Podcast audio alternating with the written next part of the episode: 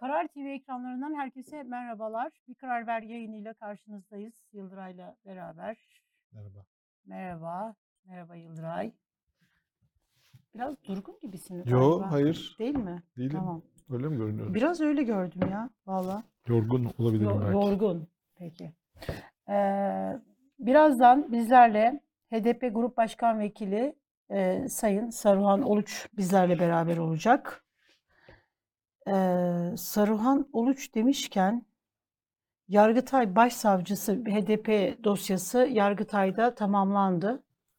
Ee, ve iş artık bütün gözler Anayasa e, Mahkemesi'nde. Ee, Yargıtay Başsavcısı Bekir Şahin bir açıklama da yaptı dün Yıldıray. Hmm. Ee, ve HDP'nin PKK ile ilişkisine acayip bir ta- şöyle delil gösterdi. Çok absürt, çok Hmm. acayip bir şey değil mi ya? Evet. Söyle Yani- ne olduğunu istersen delilin. Yorumlara Dedi ki geçmeden. 85 milyonu tanık gösterdi. Hmm. Yani biraz uzun süre o zaman mahkeme. Yani bir 200 yıl falan sürer herhalde bunu dinlenmesi tanıkların. Şimdi böyle gösterdiğine göre hepimizi tek tek dinlemesi gerekiyor Hmm. 85 milyonu. Evet. Yani eee, şey yapabilir. Eee, bence Cumhurbaşkanını ve MİT müsteşarını davet edebilir. Onlar 85 milyon adın ama. Yo, onlar hani biliyorsun çözüm süreci yürüttüler HDP ile. HDP'ni milletvekillerini alıp İmralı'ya, daha sonra Kandil'e Hmm. götürdüler. Herhalde bir ilişkiler olduklarını düşündükleri için yaptılar bunu. O Hmm. zaman niye yaptıklarını, e, bu ilişkiyi nasıl tespit ettiklerini, niye meclisten mesela. CHP milletvekillerini ya da AK Parti milletvekillerini ya da İyi Parti milletvekillerini değil de HDP milletvekillerini seçip İmralı'ya götürdüklerini açıklarlar.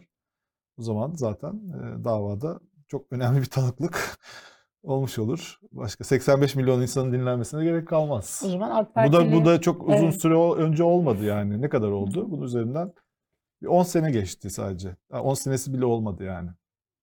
Değil mi? 10 sene önce HDP milletvekilleri niye İmralı'ya götürüldü devlet tarafından? O zaman devlet demek ki onların PKK ile hani PKK ile bir bağlantıları olduğunu düşünüyordu. O yüzden alıp onları İmralı'da görüşmeye götürdü değil mi? Yani bunları devlet götürdü. Oraya vapur kalkmıyor biliyorsun şeye İmralı'ya. İmralı'da bir vapur yok. Devletin kosteri var. Onunla gidiliyor. Kandil'i de devlet götürdü. Yine mektubu Yalçın taşısınlar diye. Akdoğan'ı da dinlerler bu durumda. Yani o dönemki o ikinci isimler. tanık olur. Yani o onun Evet. çok önemli olmayabilir onun tanıklığı. Ee, pek çok isim var. O dönemki işte Yani HDP istediğin zaman PKK ile ilişkili o zaman onu Kandil'e götürelim. İstediğin zaman bu kapatma nedeni hakkında. Bir karar verin yani buna. Bir de seçime giriyor. tamam peki Meclisi yönetiyor. illegal bir parti ise o zaman e, öyleyse o zaman daha çok yakın zamanda Devlet Bahçeli HDP için Hı hı. meclisteki anayasal parti dedi. Evet. Bir karar verin. Anayasal parti mi değil mi? PKK o zaman e, Adalet Bakanı'nın HDP Genel Merkezi'ne ziyareti de o zaman PKK'ya ziyaret gitti. oldu o zaman. Evet, PKK'ya ziyaret olmadı mı? Aynı şey. Evet, Yani PKK aynı şey. ise Şimdi kimler gitti kimler? Adalet Bakanı oradaydı. Gitti. Ülkenin Adalet Ali Bakanı İhsan Yavuz Bey oradaydı. oradaydı. Yani bir karar verin. Yani e, olmuş olabilir, PKK'lı olmuş olabilir, olmamış olabilir mi? Daha yeni başarısı konusunda yine kapısını çalmadılar mı? Çaldılar, randevu Daha vermedi. yine dün deli Niye PKK ile görüşmeye çalışıyorsunuz o zaman? Ve işte geçecek bir anayasa şey için. Kanun için. yapmaya çalışıyorsunuz. Düzeltmeye çalışıyorsunuz. Anayasaya madde için hani daha iyi nasıl yapabiliriz diye kapısını çalıyorsunuz. Şimdi HDP reddetmemiş olsaydı oturacaktınız başarısı konusunda destek isteyecektiniz. PKK'dan destek mi istiyorsunuz? Evet. Mesela Özlem Zengin açıklasın bunu. Hepsi tanık o- olabilir işte dediğin. Evet. Açıklasın. Madem öyle PKK'yı meşru gösterip yani PKK ya HDP meşru e, göstermekten Özlem Zengin de o zaman dinlenebilir. Niye böyle bir şey yaptı? Hı hı. Yani bir karar vermeleri gerekiyor. Şimdi 85 milyon yani böyle bir şey olamaz. Ben mesela Yani Vural Savaş'ın AK Parti kapatma şeylerini Abdurrahman Yalçınkaya'nın daha doğrusu AK Parti kapatma davaları da böyle bir şey böyle Böyleydi. argümanlar oluyordu. evet Değil mi? Google'dan buluyordu, indiriyordu. Zaten öyledir diyordu. Herkes biliyor bunu diyordu. Böyle hukuki argümanlar vardı, deliller vardı. evet AK Partiler bunları tanıdık, hatırlar yani. birazcık hafızası güçlü olan AK Partilerin hatırlayacağı şeyler. AK Parti bence şu anda AK Parti parti olarak bir e, Alzheimer oldu. Yani bir Hmm. hastalık şeyi var. E, geçmişini hatırlamıyor. Geçmişi hatırlamıyor ama e, bugün hatırlıyor. Anlık şeyleri hatırlıyor. Bir böyle hani ustalık dönemi vardı. Belki hani 20 yıllık iktidar olmanın getirdiği bir şey. E, hatırlamıyor. Yani bundan dolayı da şimdi Alzheimer hastası olan yani bu bu şeye rahatsızlığa yakalanan bir hastaya Geçmiş olsun diyelim o zaman. Yapacak bir geçmiş şey yok. olsun. Çok Ona da tabii konuşmak bir şey lazım değil o söyleyemeyiz zaman. yani. Onu ya, şey yapamayız. Ne yapalım? Hatırlamıyorlar. Abdurrahman Yalçınkayaları hatırlamıyorlar. Ee, ondan sonra mesela enteresan şeylerden birisi de şimdi bu HDP kapatma davası MHP çok istemişti bunu. Ee, bir gazeteci şeyi soruyor. Bu hastalık nasıl bir şey Yıldıray ya? Geçmiyor değil mi? Geçmiyor valla. Biz Ee, çayından al istersen. ya, solunum yetmezliği gibi. Tam böyle hani şey yapıyorsun ve nefes şey yapmıyor. Şimdi eee, diyor ki artık sözcü Anayasa Mahkemesi'nde eee, Bekir Şahin Hı. eee, bunların hepsi tarihe geçiyor tabii. Ama şimdi Alzheimer'dan git, git- hani böyle hani geçmiş hatırlanmıyor filan. Eee, bugün sen de yazdın. Hı hı. Çok garip, garip, garip şeyler oldu Ankara'da. Her şey birbirine karıştı. Ya bu gidişle hepimiz e, böyle tuhaf insanlar olmaya başlayacağız ya. Yani şeyi böyle takip edemiyoruz. Ee, ya CHP ile AK Parti Karıştı değil mi? Hangisi hangisiydi? yer değiştirmeye başladı. Hı. CHP her geçen gün giderek AK Parti'nin o ilk dönemi var ya reformist, demokrat, e, statükoya mesafe koyan, işte devletle toplum arasında, millet arasında milletin yanında duran çok özür diliyorum gerçekten hepinizden. Ee, CHP başka bir yerde CHP statükodan uzaklaşıyor. CHP'yi e, şey, Vesayetle mesela devletin güçlenmesine itiraz ediyor. AK Parti de her geçen gün daha fazla böyle statükonun temsilcisi. Hatta böyle statükonun temsilcisi olmasını da şey yaptı. Bayağı etten kemikten statükonun bizatihi böyle kendisi olmaya başladı AK Parti. yani Şimdi şeyi söylüyorum. Senin de diyorsun. yani okuyun Yıldıray'ın yazısı gayet böyle hani güzel, iyi bir yazı. Bugün bizim gazetemizde. Ya bir izleyelim mi arkadaşlar? evet, evet, izlemeden Cumhurbaşkanı Erdoğan gibi. inanılacak gibi değil çünkü. Yani bunu her yerde böyle şey yapamazsınız, göremezsiniz. Gerçi Sabah gazetesi bunu bir gurur tablosu gibi vermiş ama Hı.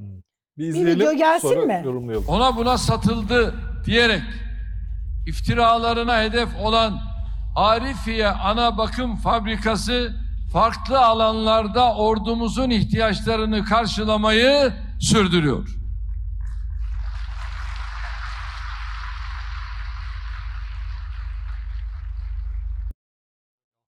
Bu değil, bu alkış değil. Yanlış biz alkış bunu aldık. almışsınız. Bu bunu almış arkadaşlar. Bu değil. Esas Kılıçdaroğlu'nun hedef aldığı bir bölüm var.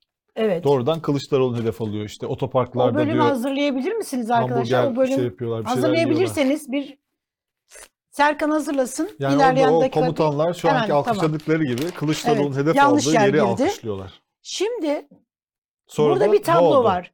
Şimdi buradaki şey mevzu ne? Aslında bunun Kılıçdaroğlu'nun böyle ne dediği bir var bizde? Ne dedi Kılıçdaroğlu'nun? Şimdi var. Ee, var tabii ki. Şimdi buradaki önce mevzunun bir böyle hani şeyini anlatalım. 2020 yılında iki yıllık bir mevzu aslında.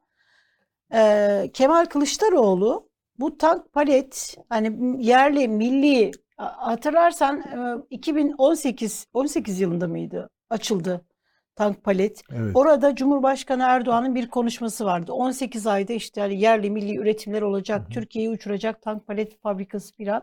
BMC bunun başında da şey vardı biliyorsun.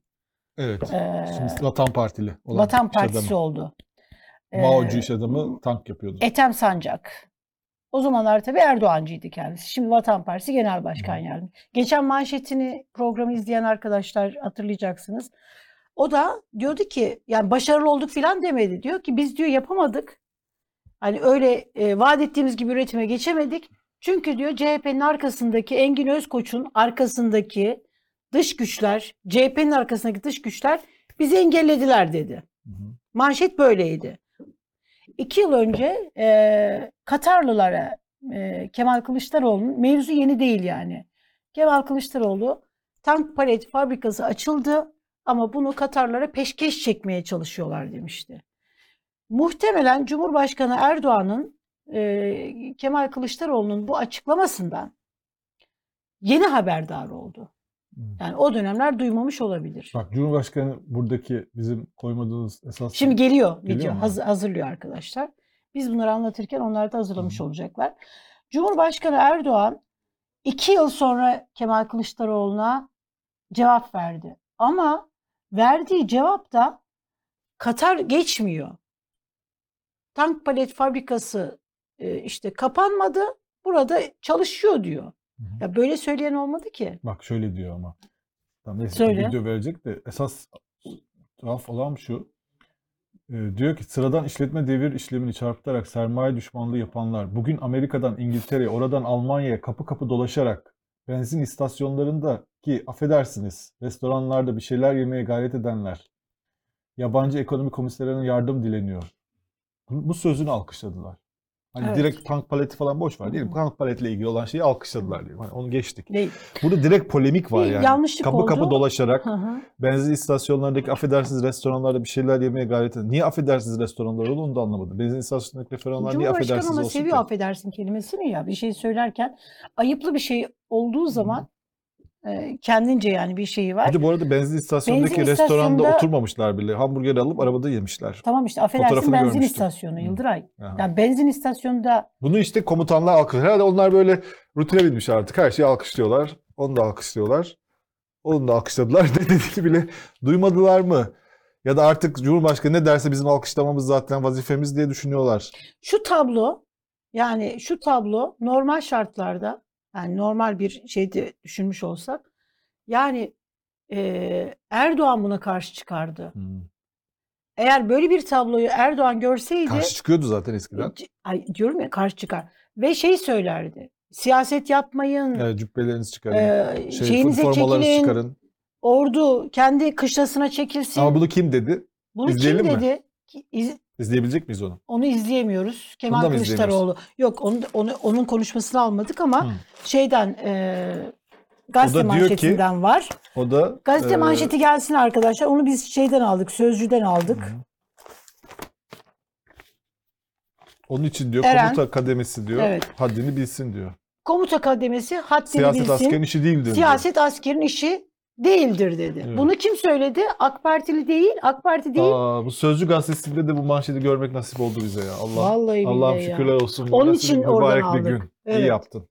Onun için bizatihi e, sözcüden Siyaset askerin işi değildir manşetini Sözcü bir 10 yıl önce atabilseydi Evet. bayağı, bayağı bir Türkiye'de olurdu. bir şeyler değişirdi. Şimdi bunu Kemal Kılıçdaroğlu söylüyor, CHP söylüyor. Erdoğan da kendisini alkışlatıyor ve bundan gurur duyuyor. Bu böyle hani devletin gücünü, kendi gücünü şöyle düşünüyordur herhalde. Bak ben o kadar güçlüyüm ki hani öyle şey ki hadi başkomutanınızı alkışlayın falan yani. Bu gurur duyulacak bir tablo değil. Sevgili AK Partililer, Evet. bu utanç verici, utanılacak bir tablo. Ee, bir yanda böyle yargıya, askere cübbenizi çıkartın, üniformanızı çıkartın diyen AK Parti, sonra siyaset yapın e, açıklamaları yapan AK Parti, 28 Şubat'ta işte e, medyayı eleştiren, hani emre amade durdu diyen AK Parti gitti onun yerine başka bir Evet. şey geldi, başka bir tablo geldi. Yani bu, Bu utanç tablosu da AK Parti'ye yeter. bu Yani mesela sen e, kuvvet komutanlarının adını bildiğin var mı? Ben bilmiyorum mesela. ben de bilmiyorum. Kara Kuvvetleri Komutanı kim? Bilmiyorum yani. Bilmiyorum. Vallahi bilmiyorum. Yani şey diye için söylemiyorum. Herhangi bir hava kuvvetleri komutanı eskiden bilirdim. Jandarma komutanı, Deniz Kuvvetleri hı. komutanı. Yani Genelkurmay Başkanı biliyorum adını. Hani o da hani şurada odada bu konuyla ilgilenmeyen, ilgilenmek zorunda olmayan herhangi birine sorsak onu da bir bilen çıkmaz. Fakat Genelkurmay Başkanı adını bilmemek bir zamanlar hani böyle bir kriter vardı ya hatırlar mısın? Hani bir gün gelecek Ama Genelkurmay Başkanı zaman adını bilmeyeceğiz ve çok güzel olacak her şey. evet. demiş Çok güzel şey- olmadı ama. Hiçbir şey olmadı. Demokrasi Adlarını olmadı. bilmiyoruz ama Adlarını Türkiye demokrasiye de bilmiyoruz. kavuşmadı. Ee, Evet. Aynen öyle. Evet. Demek ki mevzu bu da değilmiş. Yani e, adlarını yine bilmedi, bilmeyebilirdik. iyi olabilirdi. Fakat e, böyle alkışlayan Genelkurmay Başkanı, yani siyasetçinin siyasetçiye polemiğini alkışlıyor artık. O artık başka bir seviye Evet. yani. Bayağı 10 yıl önce istifa nedeni olurdu bu. O yani 10 yıl önceki askeri vesayet sisteminde bile bu istifa nedeni olurdu. Video hazırmış arkadaşlar. Hadi bakalım. İnanamayacaksınız Er- Erdoğan diyordu ya. İnanabiliyor musunuz? İnanabiliyor musunuz? Böyle şeyler oluyor. İnanabiliyor musunuz? Hadi ar-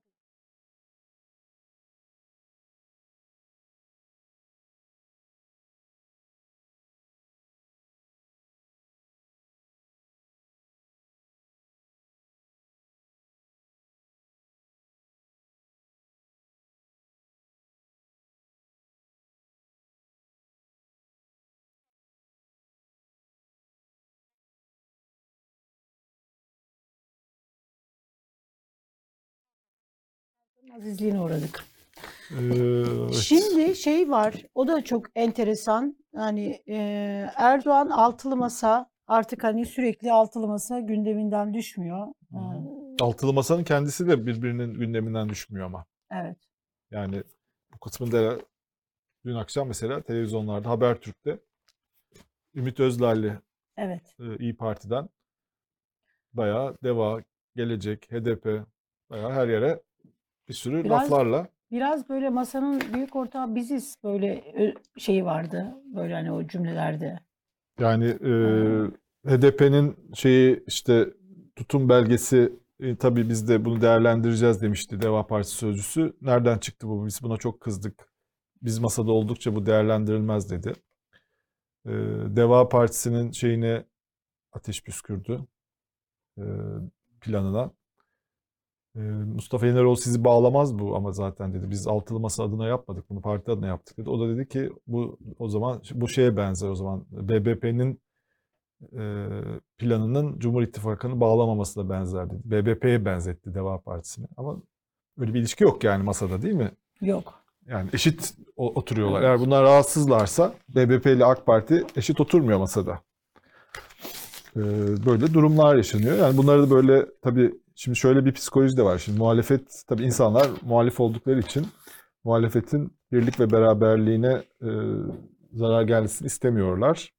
Fitne çıkarmak istemiyorlar. Konuşmak istemiyorlar. Böyle bir psikoloji var. Ben bu psikolojiyi çok iyi tanıyorum. Eskiden de vardı böyle psikoloji. Mesela bu AK Parti cemaat tartışmalarında da Hatırlarsan en şey kelimelerden biri buydu. Aman fitne çıkarmayalım, aman şey olmasın. Ama sonra ne oldu? Bir anda patladı. Demek ki bir sorun var yani. Sorunlar varsa konuşulmalıdır. Hele gazetecilerin görevi bunları konuşmaktır. Ee, o yüzden böyle bir sorun var. Görülüyor yani.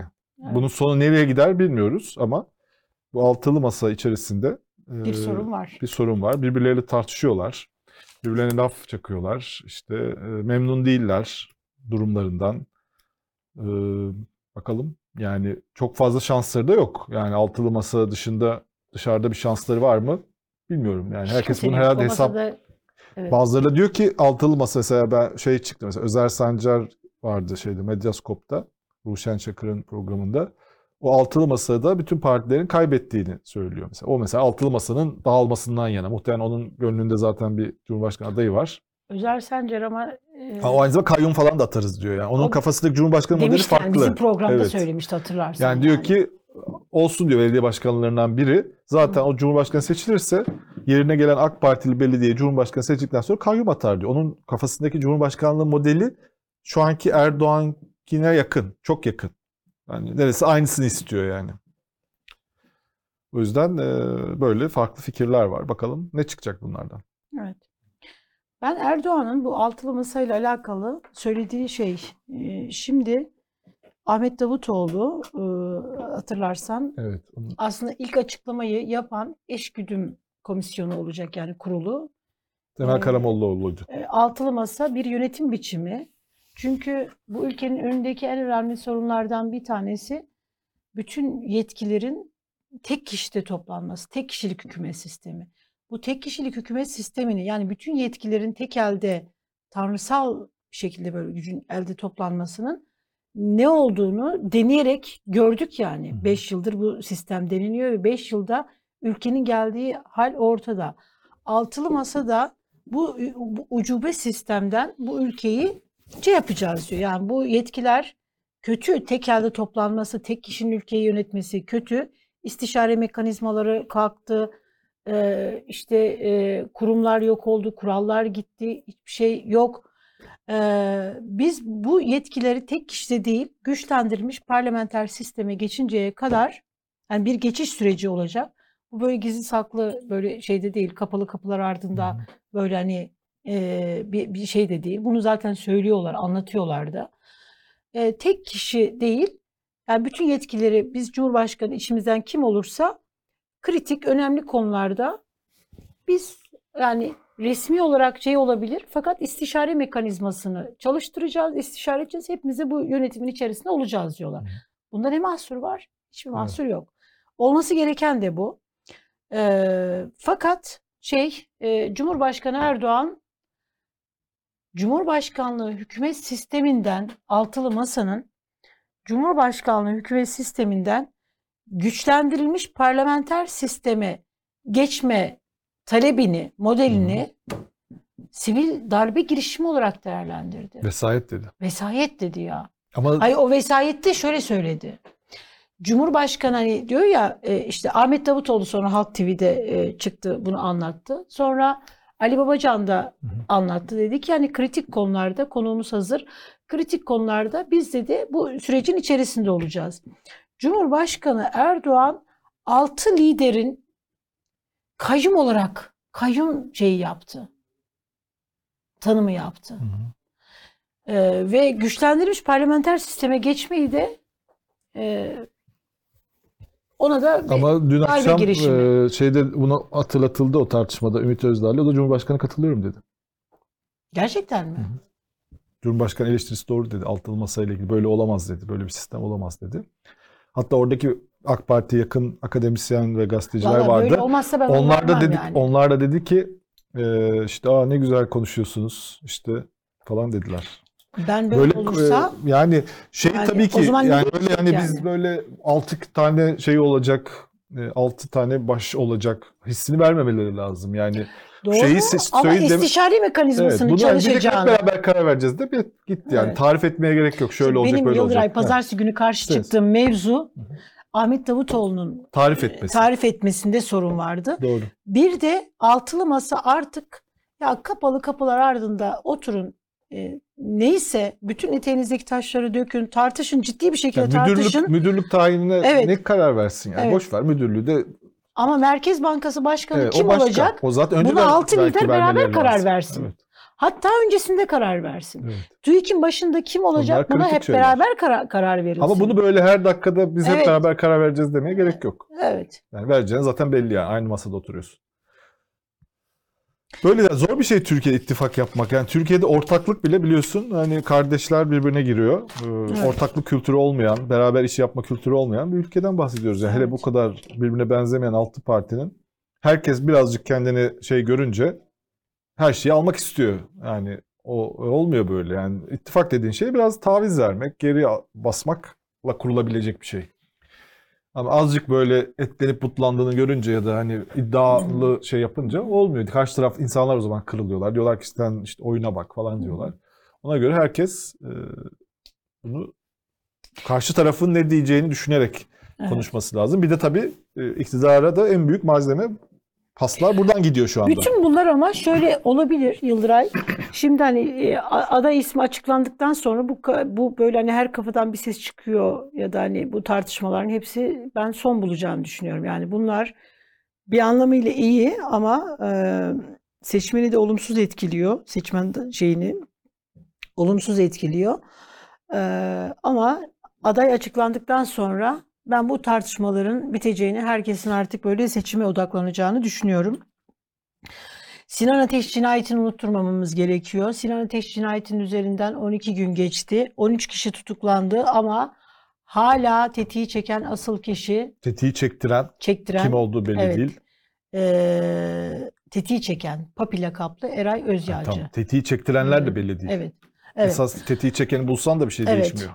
Ama belki hani bu kimden hani nasıl oldu birazcık daha netleşmiş olur. Bu tetiği e, çeken kişi hala saklanıyor. Hı. Nerede, saklanıyor bunu bilmiyoruz. Şimdi e, Ankara'da bir yerde değildir inşallah. olabilir. Olabilir. Ankara küçük ama derin bir yer. Evet yani böyle Yani- özel harekatçıların milletvekillerinin içine karıştığı bir cinayet Evet. olursa saklanacak bir yerde bulunur herhalde. Tabii. Yani Ankara küçük ama e, Bu bayağı çok aslında derin. bunu hatta yazmayı düşünüyorum. Bu bayağı e, Ali e, şeye benziyor. E, ay nasıl unuttum? Ali Şükrü Bey cinayetine benziyor. evet. Ali Şükrü Bey cinayeti gibi bir şey bu. Yani o da 100 yıl önceydi. 100 yıl sonra tekrar Ankara'da tamam milletvekili değil belki ama bir iktidar partisinin iktidar koalisyonunun bir parçası olan bir yapının başındaki kişi öldürülüyor ve bu şu anda örtbas ediliyor. Evet. Yani kamuoyu baskısı olmasa hiç bu kadar da olmazdı da e, beklemedikleri bir kamuoyu baskısı oldu. Yani kimse Hı hı. Hani zannediyorlardı ki hani ülke ocağı başkanı öldürüldü. O zaman insanlar hiçbir şey demeyecekler. CHP'nin umurunda olmayacak. İşte liberallerin, solcuların kimsenin umurunda olmayacak. Ülkücüler zaten pısacak bir şey demeyecekler. Öyle olmadı yani. E, Hem ülkü ocaklarından yetişmiş insanlar buna tepki gösterdi. Hem CHP, Kılıçdaroğlu, en çok Kılıçdaroğlu tepki gösteriyor. Dün Evet. akşam da, dün de bahse konuştu. O yüzden hani İyi öyle Parti kapatılabilecek bir şey sessiz değil. duruyor. Acaba Evet. hani orada oy e, şeyi mi yapılıyor anlamıyorum. Ümit Özdağ bayağı sesini Ümit çıkarıyor. Özdağ Bayağı, sesini çıkartıyor. bayağı ciddi bir şekilde sesini Yani çıkarıyor. ama İyi Parti buna en fazla sesini çıkarması gereken parti. Gelecek Partisi de iyi gidiyor. Evet Ahmet Davutoğlu bunun için çok iyi Deva Partisi bu yaptı. bağlamda hani son dönemlerde çok iyi siyaset yapıyor ama Bu Deva konuda Partisi şey bu konuda sınavda şey sınıfta kalıyor. Yani şey yapamıyor. Evet konumuza bağlanalım. HDP Grup Başkan Vekili Sayın Saruhan Oluç. Hadi bakalım. Ee, hoş geldiniz Saruhan Bey. Hoş bulduk. Merhaba, Hoş bulduk. nasılsınız? İyi yayınlar diliyorum. Geçmiş olsun bu arada. Geçmiş olmayacak. Yani bazen böyle bunları görünce bu ülkeden bu ülke düzelmeyecek hissiyatına kapılıyorum. Şimdi Anayasa Mahkemesi'nde e, Yargıtay Cumhuriyet e, Başsavcısı Bekir Şahin 85 milyonu tanık gösterdi. E, ben kendimin dinlenmesini istiyorum 85 milyondan birisi olarak. Madem ki tanık gösterildik. Ee, Anayasa Mahkemesi'nden nasıl bir karar bekliyorsunuz? Biraz süreci anlatır mısınız dava sürecini bize? Ee, tabii yani önce e, Yargıtay Cumhuriyet Başsavcısı'nın konuşması hakkında iki cümle söyleyeyim. Çok Buyurun. fazla bir şey söylemek istemiyorum. Ee, yani aslında Soylu ve Bahçeli dil ve üslubuyla e, konuştu. Yani bir hukuk insanı e, gibi değil, bir siyasetçi gibi konuştu. Tabii kendisine önerimiz e, cübbesini çıkarıp gelsin, siyasete katılsın. E, mecliste karşı konuşalım e, bu meseleleri. Bu üslup çok, Ee, bu, bu ifade istiyorum. çok tanıdık geldi. Cübbesini çıkarsın evet, gelsin. Evet, yani bunun bir hukukçu üslubu olmadığı çok açık ve net. Zaten dava da bir hukuk davası değil, bir siyasi dava. Ee, en son verilen e, tedbir e, kararı da yani e, hazine yardımına yönelik bloke e, edilmesi kararı da e, aslında bir e, siyasi karar, bir e, hukuk kararı değil. Yani hem anayasaya aykırı bir şekilde veriliyor e, bu karar maalesef Anayasa Mahkemesi tarafından. E, çünkü Anayasa Mahkemesi çok ağır bir baskı altında. E, ve yani şöyle bir şey düşünebiliyor musunuz? Biz savcının tedbir kararı istediğini basından öğreniyoruz. Yani Anayasa Mahkemesi bize böyle bir talepte bulunulduğuna dair bilgi vermiyor. Biz basına sızdırıldığı için bunu öğreniyoruz. Bunun üzerine savunma yapmak istiyoruz. E, haklı olarak yani bir Evet. e, tedbir kararı istenmiş. E, fakat Anayasa Mahkemesi e, kararda da görüldüğü gibi e, bizim e, savunma yapmamızı talep etmeden bir karara varıyor. Ve diyor ki siz bir ay sonra e, yani bir ay içinde e, savunmanızı yapıp itiraz edebilirsiniz diyor. Yani önce kararı veriyor sonra diyor siz savunmanızı yapın. Yani hukuk açısından da çok muhteşem bir e, gösteri yapıyor Anayasa Mahkemesi aslında. Bunun bir şey Ee, ya modeli bunlar- var biliyorsunuz. Hani önce kafaya sıkıp sonra sorgulamak ya Evet, da. evet, evet. Yani bu işte Süleyman Soylu derken demin onun için söyledim. Hani önce yık sonra hukuk demişti ya. Evet. Anayasa Mahkemesi de önce bloke et sonra savunmaya al e, diyor. Bu da aslında kararın siyasi bir karar olduğunu gösteriyor. Çünkü Cumhur İttifakı'nın bileşenleri biliyorsunuz e, teker teker çıktılar Aralık ayında e, hatta Aralık öncesinde de e, hazine yardımının kesilmesi doğrultusunda e, grup toplantısında konuşma yaptılar, e, basın e, toplantısı yaptılar, çeşitli röportajlar verdiler. Yani aslında bu süreç hazırlandı Cumhur İttifakı tarafından E, ve Anayasa Mahkemesi de bu ağır baskı karşısında e, maalesef boyun eğdi e, buna. Yoksa Anayasa Mahkemesi e, en üst mahkeme ve tabii ki e, bizim beklediğimiz e, evrensel hukuka ve Türkiye'deki anayasaya çok e, e, sıkıntılı bir anayasa olsa bile var olan anayasaya uygun davranmalarıydı. Davranmadılar. E, şimdi nasıl devam edecek? E, Anayasa Mahkemesi'nin e, bize bir sözlü savunma tarihi vermesi gerekiyor. Çünkü yazılı savunmalarımızı daha evvelden gönderdik. E, sözlü savunma tarihini bize bildirecekler. Hangi tarihte olacağını bilmiyoruz. E, dün e, Yargıtay Cumhuriyet Başsavcısı e, sözlü mütalasını verdi. E, o sözlü savunmayı yaptıktan sonra biz e, bütün e, yapılmış olan her şey, savunmalar ve mütalaa e, raportöre e, gidecek. E, zaten peyderpey gidiyordur raportöre. E, raportör bir raporunu yazacak e, belli bir süre e, içinde ve Anayasa Mahkemesi'ne raporunu sunacak. Anayasa Mahkemesi de bir e, gündeme alma tarihi belirleyip e, gündeme alacak ve bir karara varacak. Peki, peki Saruhan Bey, aşağı yukarı böyle. Peki bunların 5 ay içerisinde olmasını bekliyor musunuz? Bu çok bir sürü işlem var burada. Yani bizim beklentimiz seçimden önce karara varacakları Hmm. doğrultusunda. Çünkü bu bir siyasi karar olduğu için seçim öncesinde bu kararı Hangi aşamada olabilir peki sizce? Yani çünkü seçim süreci de bir, bir, bir ay sonra mesela bayağı bir başlayacak herhalde. Hangi Aslında- aşamada bu karar verilirse nasıl bir sonuç olacak? Bunu hesaplıyor musunuz? Ee, yani şöyle biz aslında seçim ortamına girdi Türkiye. Evet. Yani e, resmi olarak seçim kararı alınmamış da olsa seçim tarihlerinin tartışıldığı bir sürecin içindeyiz. Dolayısıyla aslında bir seçim ortamındayız. E, dolayısıyla e, bu ortamda verilecek her karar aslında doğrudan doğruya seçimlere etkileyecek bir karardır. Hı. Yani adil, demokratik ve eşit bir seçim e, olacak mı olmayacak mı? Bunun çok açık işaretidir. E, ve yani biz aslında e, hızlı bir karar bekliyoruz. Çünkü baskı olduğu için hızlandırmış e, durumdalar. E, yani bundan sonraki e, merhaleler aslında tamamen Anayasa Mahkemesi'nin uhdesinde tarih e, belirleme konusunda.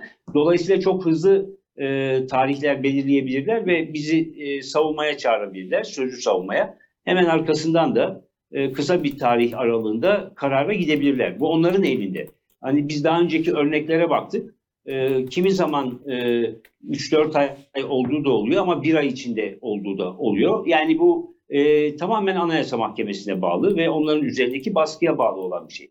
Şimdi biz zaten e, bir dilekçeyle e, başvuru yapacağız yine.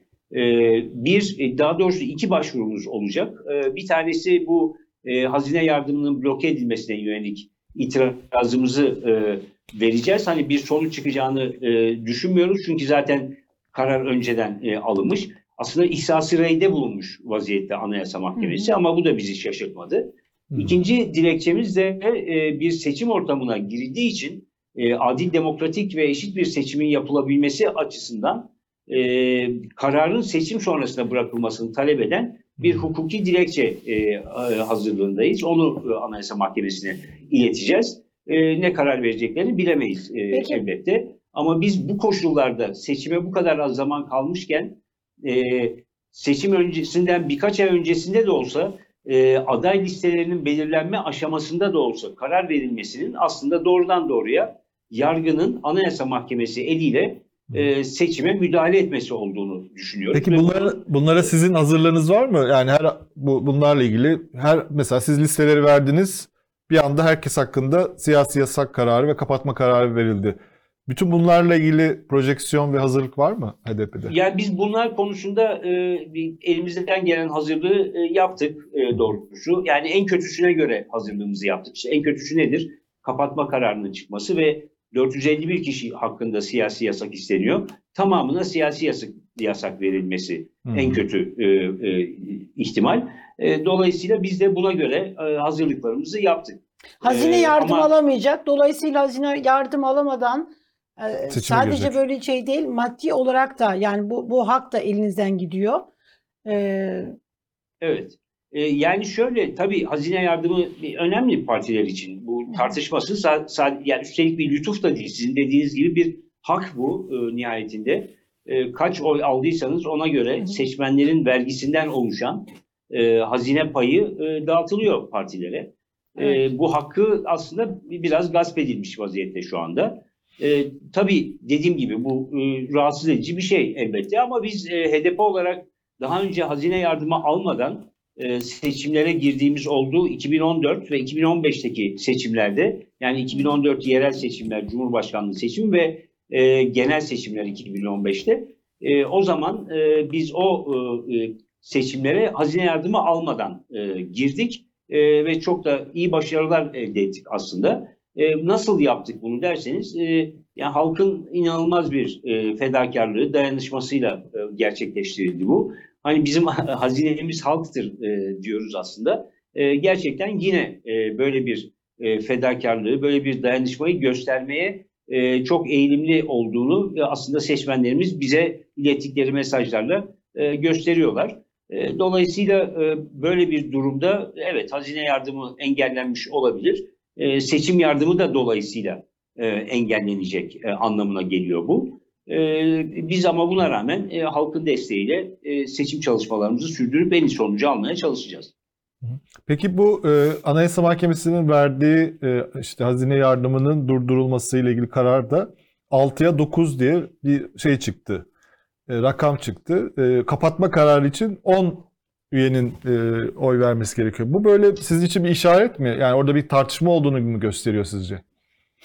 Ee, yani tartışma e, mutlaka ki vardır Anayasa Mahkemesi içinde. Yani e, herkes tek tip e, değildir. E, öyle bir fikrimiz yok. E, ve ana- aslında beklentimiz Anayasa Mahkemesi içindeki herkesin e, hem evrensel hukuk ilkelerine hem de vicdanlarına dayanarak karar vermesidir. Ama siyasi baskıların önemli olduğunu gösteriyor bu e, sayıda. E, ama görünen bizim e, tahminlerimiz zaten iktidarın kapatma konusundaki sayıyı elde etme açısından bir sıkıntısı yok gördüğümüz kadarıyla. E, 9'a 6 e, çıkmış olması kendi iç dengeleri açısından bir işarettir en çok. Zaten 9'a 6'da biliyorsunuz iki oylama yapılıyor. Bir oylamada e, 8'e HDP'ye 7. sorarak e, yani bir HDP'nin savunmasını alarak mı e, karar verelim, almadan mı karar verelim diye almadan karar verelim diyor e, 9'a 6'da. E, 8'e 7'de ise alarak karar verelim e, diyen e, oylama. Hmm. E, dolayısıyla yani tabii ki bu bir e, işaret e, aşağı yukarı bir, bir şey gösteriyor ama hani nihai e, bir işaret demek e, biraz abartılı olabilir. Evet. Burada tabii şimdi şey var Ocak ay- Ocak ayındayız. Ee, Zühtü Arslan'ın başkanlığı sona eriyor. AYM'de başkanlık yani görevi sona eriyor. Zühtü Arslan Başkanlığı Ee, bitiyor ama üye olarak kalacak. üye olarak kalmak istemeyebilir. Yani başkanlıktan sonra İstifa mı edecek? istifa etme değil emekliliğini ister ayrılabilir. Bu da oradaki dengeleri daha da böyle yani iktidar e, lehine e, değiştirebilir. Yani üye olarak kalmak istemeyebilir. Tabii şey de olabilir. Yani başkanlığı devam etmesi de istenebilir.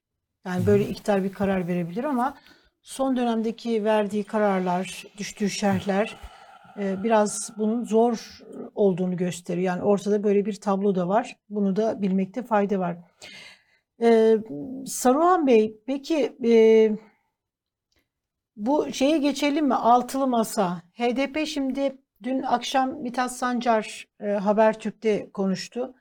HDP şimdi kendi adayıyla, Cumhurbaşkanı adayıyla mı seçime girecek? E, hani adaya bakacağız, Altılı Masa'nın adayına bakacağız. Ona göre karar vereceğiz. E, açıklamaları da geldi. İlk önce bunu Pervin Buldan açıklamıştı. Dün Mithat Sancar da bunu e, yineledi. E, eğilim nedir HDP içerisindeki? E, eğilim e, kendi adayımızı çıkarma doğrultusunda. E, zaten sanıyorum e, yakın bir sürede de bu konuda bir sonuca varmış olacağız. Şimdi bu aslında bir süreç. E, sizler de biliyorsunuz. Yani ilk Nasıl defa bu, bu e, şeye geldiniz dediğimiz- peki? Şimdi mesela Efendim? nasıl bu e, noktaya geldiniz? Yani HDP, Evet. HDP niye böyle mesela hani çoklu adayla gidilmesi şöyle eleştiriler de var mesela. Yani HDP Erdoğan'ın kazanmasını istiyor. Çünkü kendi adayını çıkarttığı zaman oradaki blok oylarda e, bölünmüş olacak. Niye böyle bir e, karar aşamasına Şimdi- geldi HDP? Şimdi şöyle söyleyeyim. Birinci olarak yani HDP Erdoğan'ın kazanmasını istiyor diyenler e, herhalde altılı masa e, seçmenleri ya da destekçileridir. E, bence onlar e, altılı masa neden e, Erdoğan'ın kazanmaması için e, gereken adımları atmıyor sorusunu sormalıdırlar. HDP'ye bu e, suçlamayı yapmak yerine. Çünkü HDP'nin pozisyonu bellidir. Bu rejim konusunda söylediği bellidir. HDP bir muhalefet partisidir ve e, yani güçlü bir demokrasiye geçilmesi gerektiğini e, defalarca ifade etmiş bir e, muhalefet partisidir. Dolayısıyla mesele bizim açımızdan bir sistem meselesidir. E, kişi meselesinden öte. O yüzden altılı masa e, e, seçmenlerinin ya da destekçilerinin kendilerine önce bir soru sormaları gerekiyor. Bir- birinci olarak onu söyleyeyim. Yani bu suçlamayı tabii ki kabul etmeyiz. İkincisi, şimdi biz bir süreç yaşadık. Ne zaman bu sürecin başlangıcı derseniz, e, 2021 Eylül ayının sonunda 27 Eylül'de biz bir tutum belgesi başlıklı bir deklarasyon yayınladık hatırlarsanız. Hı hı. 11 maddeden oluşuyordu. Ee, bu 11 maddeyi şöyle tarif etmiş. Dedik ki Türkiye yani parlamento seçimini ayrı tutarak söylüyorum bunu. Parlamento seçimine kendi ittifaklarımızla gireceğiz dedik zaten. Cumhurbaşkanlığı seçiminde %50 artı 1'e ihtiyaç var ve bunun için Türkiye'de bir geçiş süreci yaşanacak seçimden sonra. Bu geçiş sürecinde e, çok kritik bir dönemdir bu.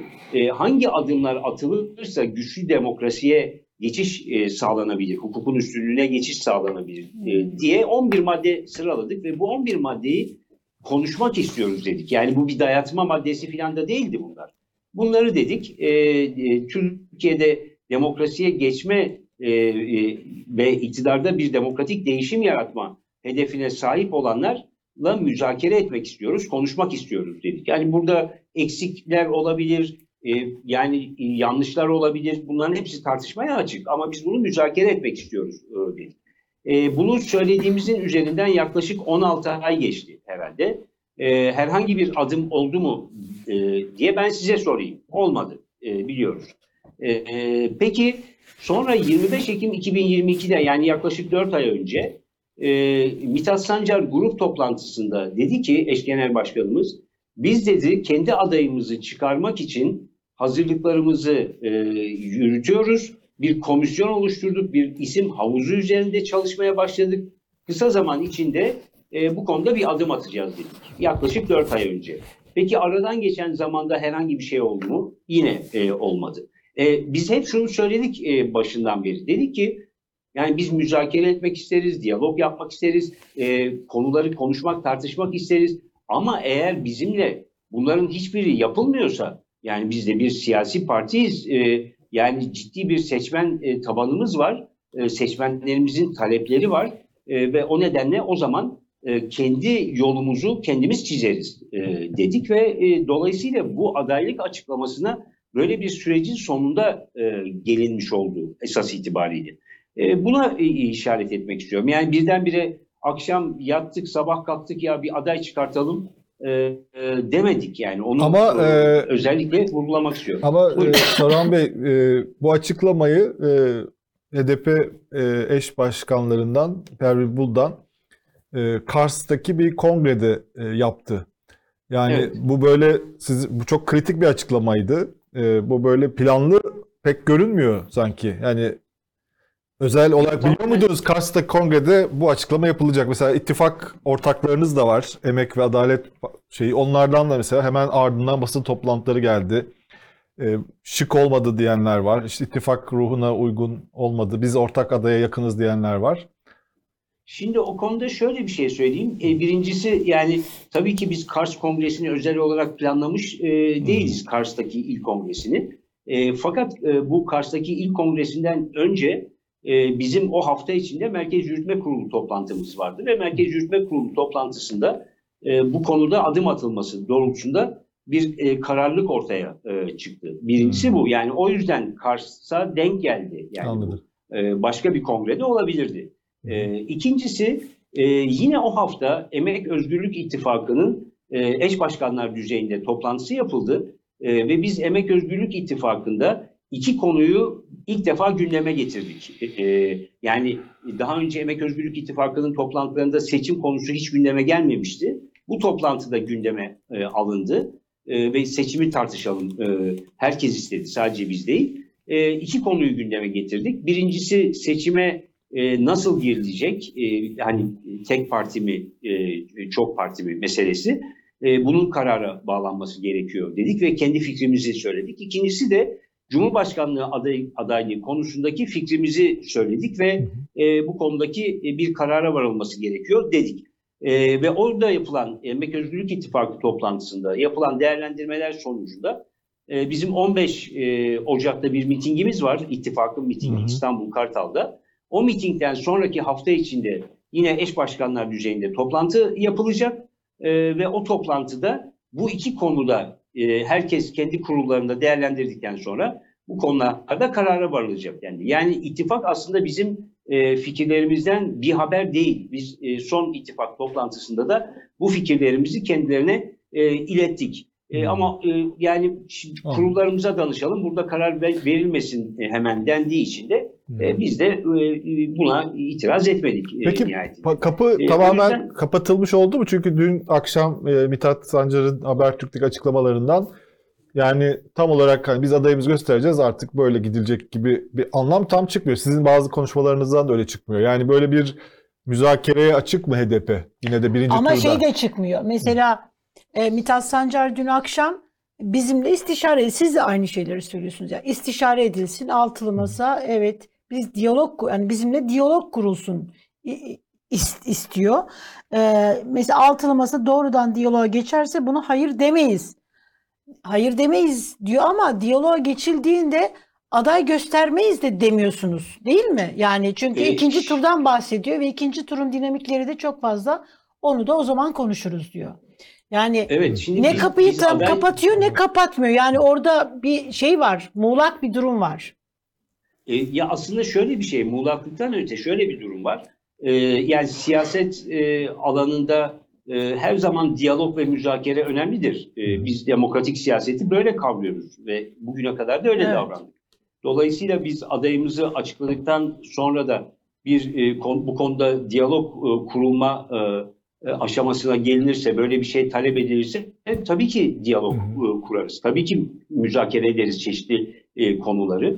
E, ama e, yani bu konuda anlaşıp anlaşmayacağımız e, adayların kimler olup olmayacağında bir netlik e, ortaya çıkması gerekiyor ki e, onu görelim. Hani e, Süleyman Demirel'in e, çok e, ünlü bir sözü vardır biliyorsunuz. Siyasette 24 saat e, çok önemlidir. E, e, her an her şey değişebilir diye. E, bu o tarafa da bu tarafa da her türlü şey e, gerçekten değişebilir. Evet, yani böyle bir E, bu- nihai bir karar yok yani bu müzakereye açık hala. Aday çıkarma konusunda kararımız e, net, aday çıkarma konusunda. E, ama aday çıktığı zaman artık kimseyle hiçbir e, konuda konuşmayız e, gibi bir fikir yok. Biz elbette Evet. ki e, politikalarımızı sürdüreceğiz ve e, her türlü konuşmaya da e, açık e, bir partiyiz her zaman. E, ama Aday çıkarma konusunda netiz derken artık HDP kararını verdi. Kendi adayıyla mı girecek seçimlere? e, HDP adayını çıkarma konusunda e, kararını e, verdi. E, sanıyorum çok uzun zaman geçmeden de bu konuda bir e, aday açıklaması Adayını yapar. Çıkaracak ama adayıyla seçime girip girmeyeceği henüz belli değil. Nasıl? Anlamadım. aday sonradan değişebilir de adayın Ha. statüsü anlıyorum. Şimdi mesela hani şey diyordunuz ya. Şöyle- bir dakika Salman Bey söylesin biz onun adına konuşmuş olmayalım. Şöyle bir sorunumuz da e, var e, biliyorsunuz. Hani bu siyasi yasaklar Doğru. meselesi. Evet. E, dolayısıyla bütün bunları da göz önünde bulundurarak elbette hareket ediyoruz. E, dolayısıyla biz yani kendi, ben geçenlerde bir e, aklıma geldi bir televizyon programında söyledim. Belki siz de e, duymuşsunuzdur. Yani şöyle bir şey biz uygun bulmuyoruz. Yani e, şimdi herkes diyor ki e, çünkü matematiksel olarak e, durum ortada. E, HDP seçmenleri önemli. E, biz HDP seçmenlerin oylarını da istiyoruz diyor herkes. E, değil mi? Hem iktidar hem muhalefet. E, ondan sonra fakat şöyle bir e, şeyi tuhaf buluyoruz doğrusu. Yani sanki bu HDP seçmenleri dediğimiz e, e, kalabalık e, şöyle bir şey. Yani onlar oy vermek konusunda e, bir varlıkları var ama başka bir e, özellikleri yok. Yani bu HDP Evet. seçmeni dediğinizin bir düşüncesi var mıdır, bir fikri var mıdır, bir politikası var mıdır, talepleri var mıdır? Bunlar konuşulmuyor hiç. Yani HDP seçmeni bize niye oy versin HDP seçmeni mesela e, şu ya da bu partiye, şu ya da bu adaya? Bunun bir nedeni olması lazım değil mi? Yani şöyle değildir HDP seçmeni. Bizim seçmenlerimize politik olarak gerçekten güveniriz e, biz. Çünkü çok yakından güncel politikayı takip ederler. Şöyle e, düşünürseniz HDP seçmenini e, çok doğru olmaz. Yani işte HDP e, HDP seçmenlerine makul gelmeyecek bir öneride bulunur. Ona rağmen HDP seçmenleri bunu destekler diye düşünmek e, doğru olmaz. E, onu söyleyeyim. Yani HDP seçmenlerinin de içine sinen e, ya hakikaten bizim taleplerimizi duyacak, görecek, buna saygı gösterecek e, bir e, e, adaydır oy vereceğimiz diyebilmesi gerekiyor. Gerçekten oy verilebilmesi için, gerçekten güçlü bir şekilde e, bunun arkasında durulabilmesi için. Bu hangi aday olursa olsun, HDP adayı da olsa öyle, HDP adayı olmasa da e, öyle. Şimdi dolayısıyla e, HDP seçmenlerinden oy isteyenler e, bunu göz ardı ediyorlar. E, bu düğün benzetmesini yapmıştım. Yani gelin diyorlar düğüne e, e, davet ediyoruz sizi ama düğüne gelmeyin diyorlar. Kimliğinizle görünmeyin düğünde diyorlar. Bize bir zarfın içinde altın gönderin ama zarfın üstüne de isminizi yazmayın diyorlar. Şimdi böyle bir e, politika olabilir mi yani? Bunu Evet. kim kabul edebilir? Altın Hiçbir takan partimiz- e, kameralara bile çıkmak ister. Yani düğün kamerasında takarken. yani onun için e, bu önemli bir şey. Yani burada bir siyasi saygı duymak, evet bütün görüşlerine katılmayabilirsiniz. Elbette ki zaten herkes herkesin görüşüne katılıyor olsa e, herkes aynı partide olurdu. Böyle bir beklenti kimse de yok. Ama Evet. ya biz politik saygı diye bir şey var, seçmene saygı diye bir şey var. E, ya bunların hiçbiri e, gündeme gelmeyecekse o zaman HDP kendi yolunda yürür elbette ki e, sonuç olarak. E, bedel ödüyor çünkü. Yani HDP e, hem e, parti yöneticileri, milletvekilleri, e, hem seçmenleri, yöneticileri ciddi bedeller ödüyor. Bakın sizler takip ediyorsunuz, biliyorsunuz. Yani işte gözaltılar, tutuklamalar, e, yasaklamalar, baskınlar her türlü şeyle karşı karşıya kalıyor insanlar. E, yani bu mücadele ettikleri için, demokrasi ve özgürlük mücadelesini sürdürdükleri için bu e, bedelleri ödüyorlar. E, yani onun için biraz saygı duymak e, gerekiyor diye düşünüyorum. Evet. Ee, altılı masada da bir tartışma var. Tabii ki bu HDP ile ilişkiler konusunda zaten bir kriz konusu altılı masa için en başından itibaren. E, fakat bu e, sizin açıklamanızdan sonra tabii e, HDP'nin ne diyelim e, gayrimenkul değeri arttı e, o şeyde. E, ve e, Deva Partisi e, sözcüsü HDP'nin tutum belgesi altılı masa dikkate alacaktır dedi. İyi Parti'den bir isim de dün akşam Habertürk'te Ümit Özdağ'la o da o, öyle bir şey olmayacaktır dedi. İyi Parti masada olduğu sürece dikkate alınmayacaktır dedi. Ee, burada yani böyle bir şey var yani İyi Parti'nin bir vetosu var zaten HDP ile ilgili. Diğer partilerin da sanki daha yakın ilişkisi var gibi görünüyor CHP'nin başta olmak üzere. Ee, o nasıl aşılacak? Yani bu diyalog nasıl kurulacak? Sizin bununla ilgili bir fikriniz var mı? Bu açıklamalara ne diyorsunuz? Ee, yani tabii her partinin kendi görüşü vardır e, şüphesiz. Biz o tutum belgesini yayınladıktan sonra e, 2021 Eylül'ünde e, İyi Parti dışındaki bütün partileri tek tek ziyaret etmiştik. Bu tutum belgesini tartışmıştık onlarla.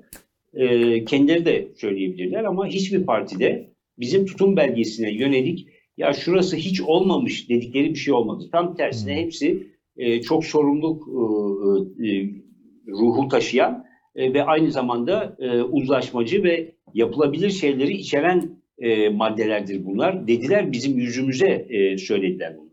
E, burada bir e, tutum belgesinin içeriğiyle ilgili bir sorun olduğu kanaatinde değilim e, sonuçta. Hatta şöyle biraz daha ileri giderek söyleyeyim.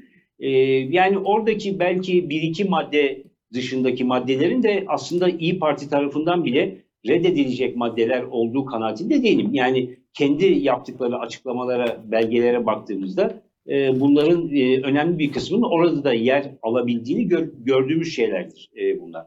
E, ama e, şunu söyleyeyim yani biz dedik ya hani tutum belgesi 11 madde ileri sürdük ama bunlar bir dayatma maddesi değil. Bunları diyalog olsun, müzakere edelim diye e, öne e, sürdük e, esas itibariyle ve bunlar konusunda da kararlıyız.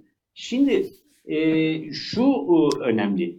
Nasıl bir diyalog gelişir? E, yani bizim e, altılı masa e, ya da altılı masa dışındaki partilerle e, zaten hem meclis içinde hem meclis dışında e, çeşitli görüşmelerimiz zaman zaman oluyor. Bunu da basına açık yapıyoruz. Kapalı kapılar ardında gizli bir, bir şey değil bu. E, hatta meclis zemininde bütün partilerle e, diyalogumuz var e, bir biçimiyle. Adalet ve Kalkınma Partisi ile de e, diyalogumuz var. E, hani e, gelip gidiyoruz, meclis çatısı altında birlikte çalışıyoruz. Zaman zaman aynı şeylerin altına imza atıyoruz bakın.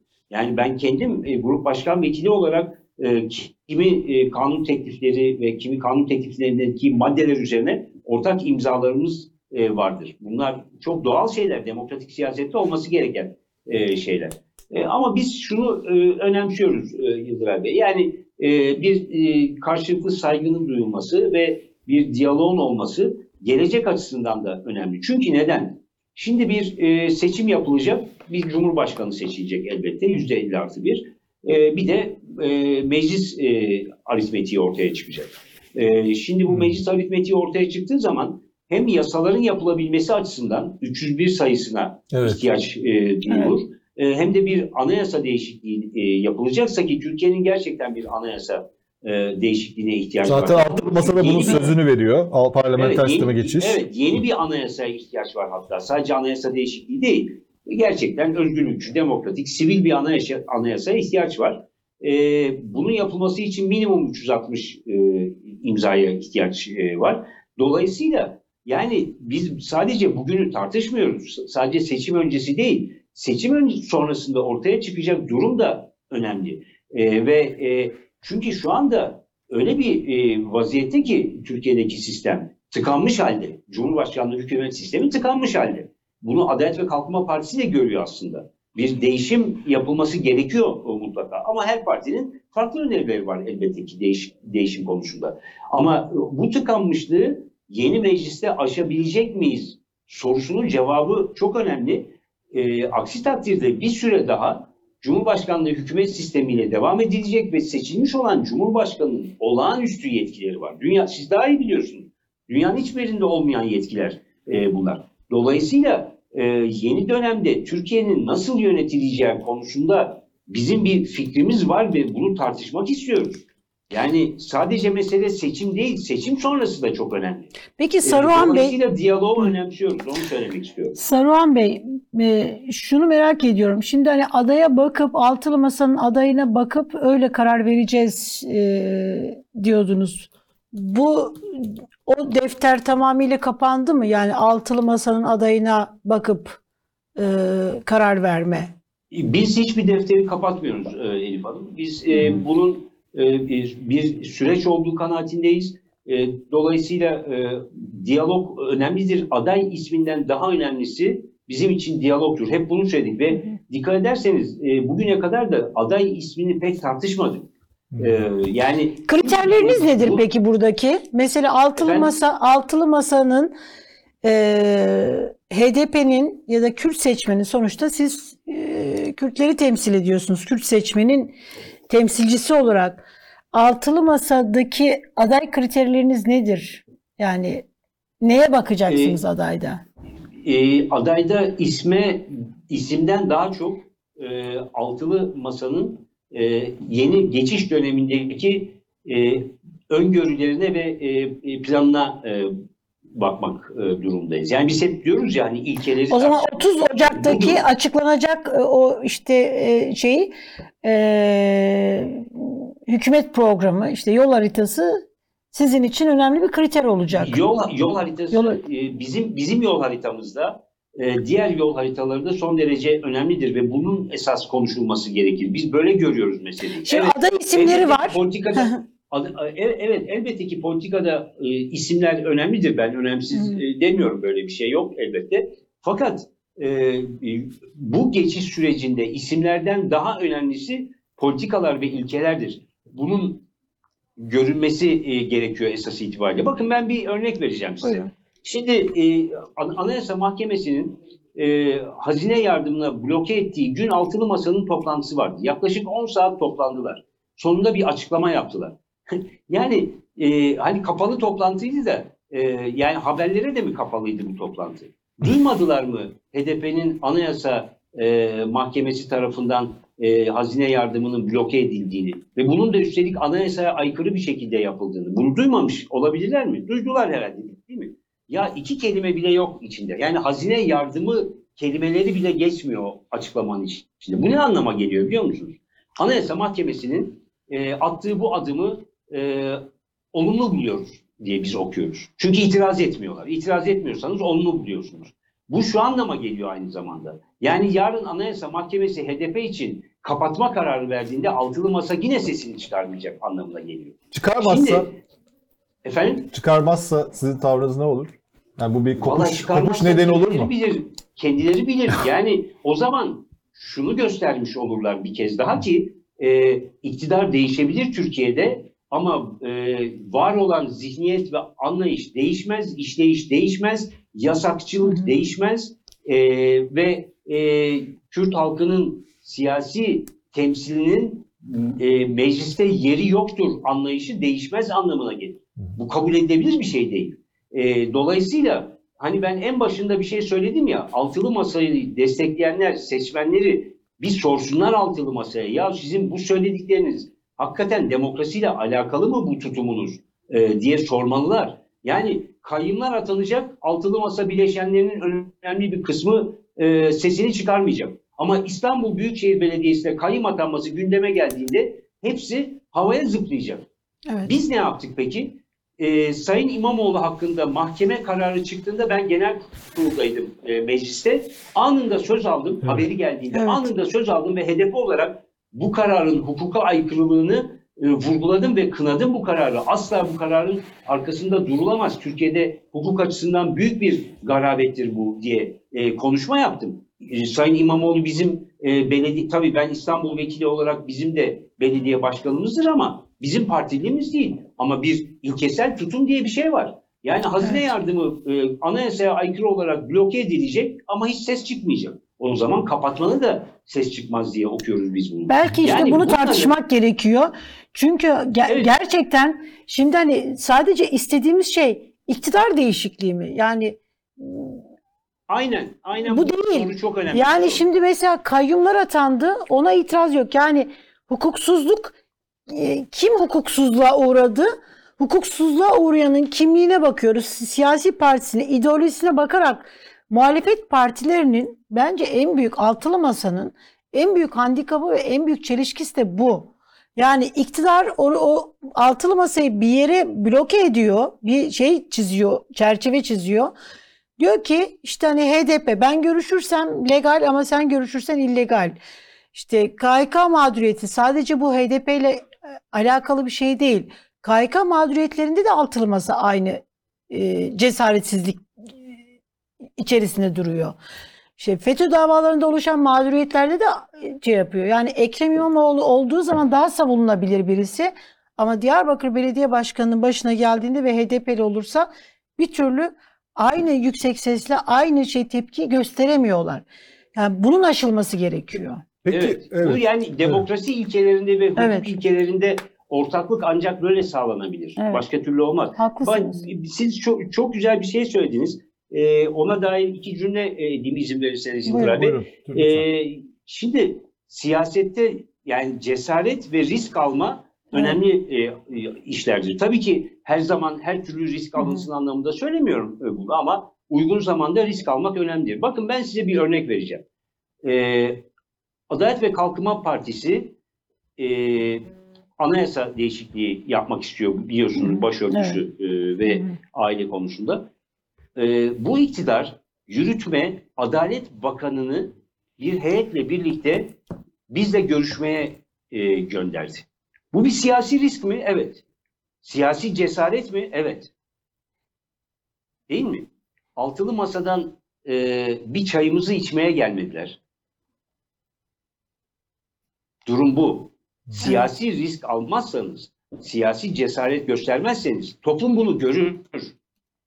Yani Evet. mesele sadece iktidarın değişmesi, isimlerin değişmesi, bugün oturulan koltuklara yarın başkalarının gelmesi gibi görünürse ben e, altılı masanın e, e, tamamı için böyle bir şey söylemiyorum. Yani tenzih Evet. ederim. E, böyle görünürse, böyle e, anlaşılırsa seçmen tarafından gerçekten demokratik ve Türkiye'yi aydınlık bir döneme taşıyacak, e, e, eşitlikçi, özgürlükçü bir döneme taşıyacak bir e, adım olarak görünmezse e, yani insanlar e, heyecanlanmazlar, umut duymazlar. Heyecan ve umudun olmadığı yerde değişim yapamazsınız. Çürüme olur orada. E, sorun biraz bundan e, kaynaklanıyor. E, Evet. Bunun e, görülmesi gerekiyor gerçekten. Peki rezervinizin olduğu isimler var mı? Yani rezerv koyduğunuz İsim- isim. Dün isimler. akşam Mithat e, Sancar e, Habertürk'te şey soruldu. Mansur Yavaş Hı. rezerviniz var mı manasında gelecek diyelim bir soru soruldu. O da olur olur ya da olmaz diye bir isim konuşmuyoruz. Yeter ki program oluşsun dedi. E, yani biz e, isim tartışmamak için özen gösteriyoruz e, gerçekten. E, ve e, ilkeleri ve politikaları e, ön plana e, alıyoruz. İsim tartışma gündeme geldiği zaman e, bakacağımız şey de yani eğer politikalar, ilkeler e, dışında neye bakarsınız diye soracak olursanız liyakata bakarız e, esas itibariyle. E, ama şu anda bir isim tartışmayı gerçekten doğru bulmuyoruz. Peki e, şöyle bir bakış var Sadan Bey. E, Deniyor ki e, yani böyle HDP tabii ki işte bir takım şeyleri var. Aday çıkarabilir birinci turda talepleri var. Fakat HDP'liler için de HDP'ye oy veren seçmen için de esas mesele Erdoğan'ın gitmesi. AK Parti'nin iktidarının bitmesi. O yüzden hani böyle itirazlar olabilir ama ikinci turda ya da birinci turda işte neyse günün sonunda neyse ortak adaya oy verirler. Yani o his, yani Erdoğan'ın gitme hissi her şeyin üst, üstünde. Ee, o yüzden hangi aday olursa da ona da verirler deniyor. Bu bakışa nasıl siz nasıl bakıyorsunuz? Ee, yani şöyle söyleyeyim, e, HDP seçmenleri e, açısından baktığımızda e, birinci sırada e, söyleyecekleri şey e, var olan sistem nasıl değişecek e, meselesi. E, yani çünkü şimdi e, tabii ki yürütmenin başı olarak e, e, Tayyip Erdoğan'ın e, rolü çok büyüktür. Yani tek adam yönetimi diyoruz bu bizim açımızdan tartışmasız. Doğru bir yönetim tarzı değildir diyoruz ve demokrasiyle alakası yoktur diyoruz. E, ama mesele sistemin değişmesidir esas itibariyle. Çünkü e, yani şöyle bir durumla karşı karşıya tarihte birçok ülkede kalınmıştır. E, yani e, Erdoğan e, seçilemez gider, yerine herhangi başka biri gelir. O sistem varlığını sürdürüyorsa e, bir süre sonra o yeni gelen kişi aynı sistemi e, uygulamaya başlar. Yani mesele buradaki isim meselesi değildir. Onun için özellikle e, yol haritası, geçiş dönemi ilkeleri e, ve politikaları, uygulamaları bunları tartışmak istiyoruz. Yani şimdi örnek vereyim. E, kayyım atamaları, kayyım atamalarını e, olağanüstü hal dönemindeki bir kanun hükmünde kararnameyi yasaya çevirdikleri için e, bunu e, meşru diye e, anlatıyorlar. Hukuksuzluk var ortada, çok açık, e, tartışmasız bir şekilde ama bunu oraya e, dayandırıyorlar. E şimdi sistemde değişiklik olmayacaksa e, o zaman yarın da başka birileri kayyım atayabilir. Hmm. Başka yerlere kayyım atayabilir. Yani illa HDP belediyelerini kastetmiyorum. E, dolayısıyla zihniyette ve sistemde değişikliğe ihtiyaç var. E, HDP seçmenleri de özellikle buna bakarlar. Biz e, o yüzden hani yol haritasını, ilkeleri, e, geçiş dönemi politikalarını tartışalım derken bunu öyle e, kafamıza estiği için söylemiyoruz. Bizim seçmenlerimizin ve bizim partimizin e, esas yaklaşımı bu olduğu için bunu bu şekilde dile e, getiriyoruz. O yüzden e, birinci sırada bizim için gerçekten e, bu ilkeler ve yol haritası e, meselesidir. Biz de eğer farklı davranırsak, biz de şöyle yaparsak, bizim adayımız e, çıkarttık adayımızı ne yapacağını e, konuşmadan, e, söylemeden çıkartmış olsak, işte bizim adayımız en iyi aday diye ortaya dökülsek, valla aynı ilkesizliği ve politikasızlığı biz de yapmış oluruz. E, ve herkes bize bunu döner söyler. Dolayısıyla e, biz bu meseleye çok önem veriyoruz. E, başka türlü Türkiye bu dönemi aşamaz e, çünkü bir e, gerçekten bu sistemin tıkanmışlığını e, demokrasi ve hukuk açısından artık e, işlemez hale gelmişliğini değiştireceksek demokratik bir yolla e, o zaman buna ihtiyaç var diye düşünüyoruz. Herhangi bir seçim değil bu. Herhangi bir cumhurbaşkanlığı seçimi değil bu. Şunu merak ediyorum. Ee, Şimdi mesela e, hep merak et, yani benim de çok merak ettiğim ama hani toplumda da merak edildiğini düşünüyorum. Ee, 2019 seçimlerinde Abdullah Öcalan devreye sokuldu. Mektuplar alındı ve işte hani e, bu seçim döneminde de aynı şey olacağı olabilir e, ihtimalleri dolaşıyor. Ee, Öcalan'ın tekrar devreye girmesini ya da diyelim ki iktidar lehine karar aldı. HDP seçmeni blok olarak dinler mi? Yani etkiler mi Abdullah Öcalan'ın e, iktidar lehine aldığı karar ya da yayınladığı mektup? Seçmenin Ee, yani Kürt seçmenin davranışını değiştirir mi oy verme tercihlerini? Şimdi HDP e, kendi kararlarını veren bir partidir. Elbette ki e, her türlü öneri, eleştiriyi dikkate alarak e, bunu yapar. E, 2019 yerel seçimlerinde de böyle e, olmuştur. E, ama ben e, zaten Abdullah Öcalan'ın e, HDP politikalarını belirleme doğrultusunda e, bu tür e, e, laflar edeceği kanaatinde doğrusu değilim. 2019 seçimlerinde de e, söylediklerini e, hatırlıyorum e, çok net olarak. O zaman söyledikleri de esas itibariyle daha ilkesel düzeydeki bir şeydi. Yani şu adaya ya da bu adaya, şu partiye ya da bu partiye e, yönelin e, diye bir e, laf yoktu söylediklerinin içinde. Daha ilkesel düzeyde e, bir e, tutum e, sergilemişti. E, o yüzden HDP'de kendi e, politik kararlarını e, veren bir partidir. O zaman da 2019 yerel seçimlerinde de kararlarımızı verdik ve e, bir sonuç aldık e, biliyorsunuz. Yani e, o konudaki tutumumuz aynıdır. E, biz kendi kararımızı e, veririz. Kimse bize dışarıdan bir karar e, dayatmaz. Hani dayatmanın da çok sonucu e, olmayacağını bilir e, herkes diye düşünüyorum. Peki Selahattin Demirtaş'la HDP arasında yani dün Mithat Sancar'a da soruldu. Mithat Sancar hayır böyle bir iletişim sorunumuz yok. Bir ara böyle bir iletişim problemi yaşadık ama e, bir sorun yok dedi. Selahattin Demirtaş HDP için ve e, Kürt seçmen nezdinde birazcık daha anlamını mı yitirdi yoksa hani bir ayrışma bir şey var mı? Bazen çünkü sizin hilafınıza açıklamalar yapabiliyor. Ee, ya da yaptığı bazı açıklamaları HDP çok e, sahiplenmiyor. Yani ortaya çıkan tablodan bahsediyorum. E, yani tabii şöyle bir e, durumun olumsuzluğunu zaman zaman e, yaşıyoruz. Yani e, Selahattin Demirtaş cezaevinde e, dolayısıyla e, hani her an e, yan yana bulunmadığımız için Evet. e, zaman zaman e, kopukluklar olabiliyor. E, bu bir sorun esas itibariyle. Yoksa öyle bir hani e, köklü bir fikir ayrılığı e, HDP'den farklı bir yola girmiş olması falan asla bunlar söz konusu değil. Bakın ben bu cumartesi günü e, Selahattin Demirtaş'ın yanındaydım. E, saatlerce oturduk. E, Türkiye politikasını birlikte yine değerlendirdik, konuştuk. E, daha yeni oradaydım. Ama bu hani her an e, bizler oraya gidip e, görüşemiyoruz. Dolayısıyla bu e, zaman zaman ortaya çıkarsa bir kopukluk her zaman çıkmıyor ama bazen olabiliyor. Bundan kaynaklanıyor. Bir e, mekansal sorun e, esas itibariyle var ve biliyorsunuz hukuksuz yere e, orada tutuluyor Avrupa İnsan Hakları Mahkemesi kararlarına rağmen. E, e, yani tartışma derseniz e, tartışma zaman zaman olur. E, HDP'nin içinde her zaman vardır tartışma. Belki en çok tartışan partidir kendi kurulları içinde. E, bileşenli bir partidir çünkü. Selahattin Demirtaş'la HDP arasında da zaman zaman tartışma olabilir. Ben Selahattin Demirtaş'la e, uzun yıllar birlikte çalışmış olan bir kişi olarak bunu söylüyorum. Selahattin Demirtaş dışarıdayken partinin eş genel başkanı iken de tartışmalarımız olurdu ama bir orta yolu e, her zaman e, bulurduk. E, onun da olağanüstü e, becerisiyle. E, dolayısıyla hani bizim açımızdan e, HDP açısından Selahattin Demirtaş'la öyle bir sorun e, yok. Seçmen açısından da e, yoktur. E, yani e, ben hem e, Kürt seçmen açısından yoktur hem de e, Türkiye'deki diğer seçmenler açısından da yoktur. Selahattin Demirtaş Türkiye'nin batısında da çok büyük güven kazanmış bir siyasi kişiliktir. Bir eş genel başkanımız olmuştur. Dolayısıyla bu siyasi güveni de ayrıca kişisel güven de kazanmıştır siyasetin ötesinde.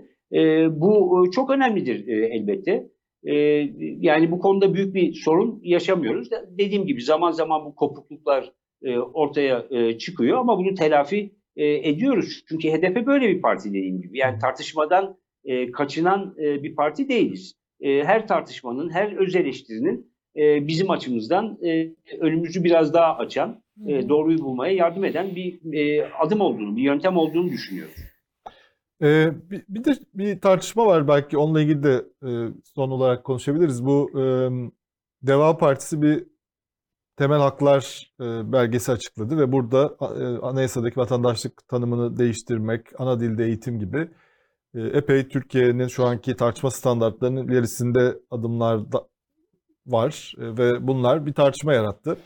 E, işte MHP lideri Bahçeli çok ağır sözler söyledi. Cumhurbaşkanı Erdoğan da Türk bayrağından ve Türk kavra- kavramından nefret edenlerle mücadelemizin süreceği bir seçim yaşayacağımız şimdiden söylüyorum dedi.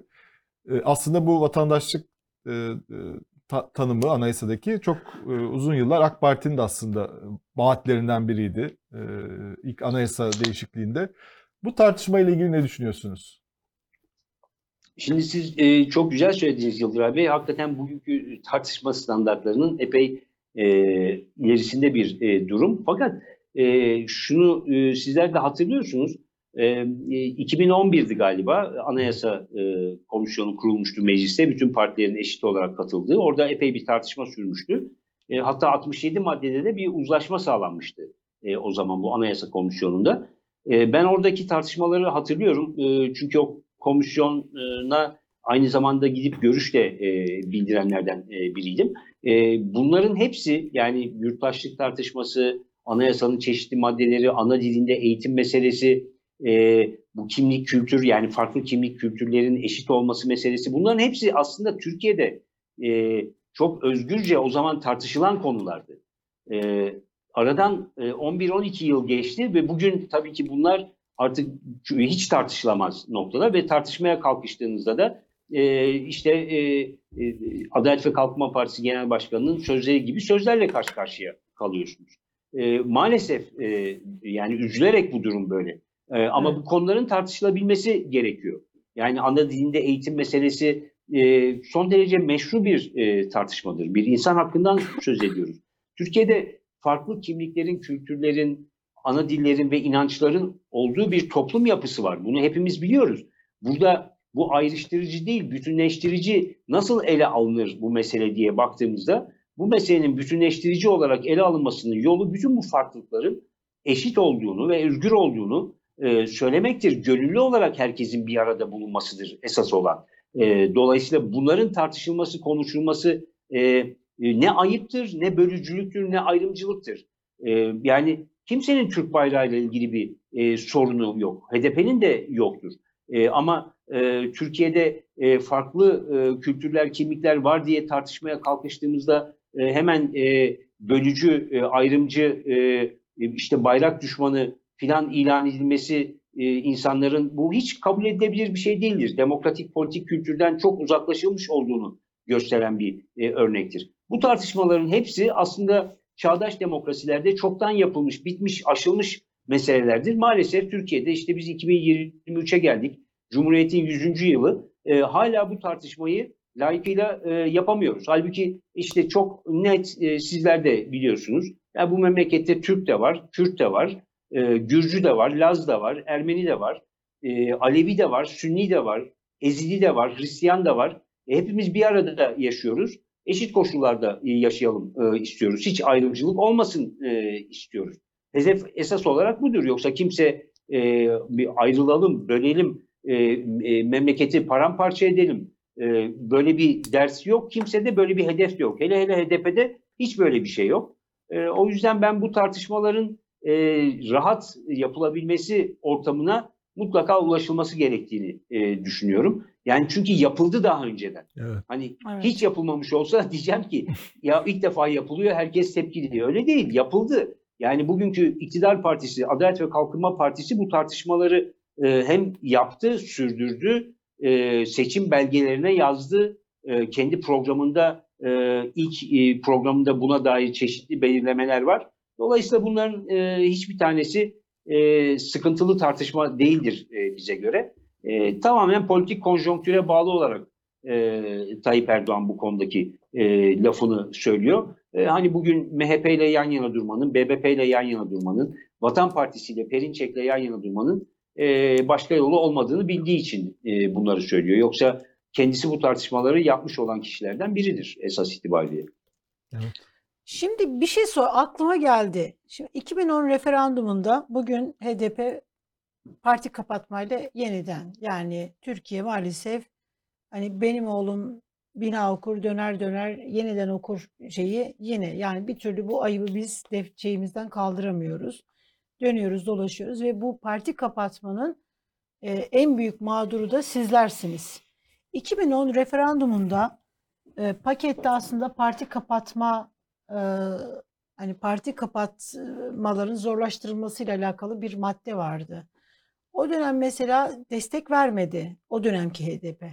Yani şimdi mesela o maddede geçmiş olsaydı bugün belki de HDP böyle bir sorunla sıkıntıyla karşı karşıya kal- kalmamış olacaktı. Kendi içinizde siz de sizler de mesela bir öz eleştiri yapıyor musunuz? Şimdi Bunu sormazsam şunu olmazdı.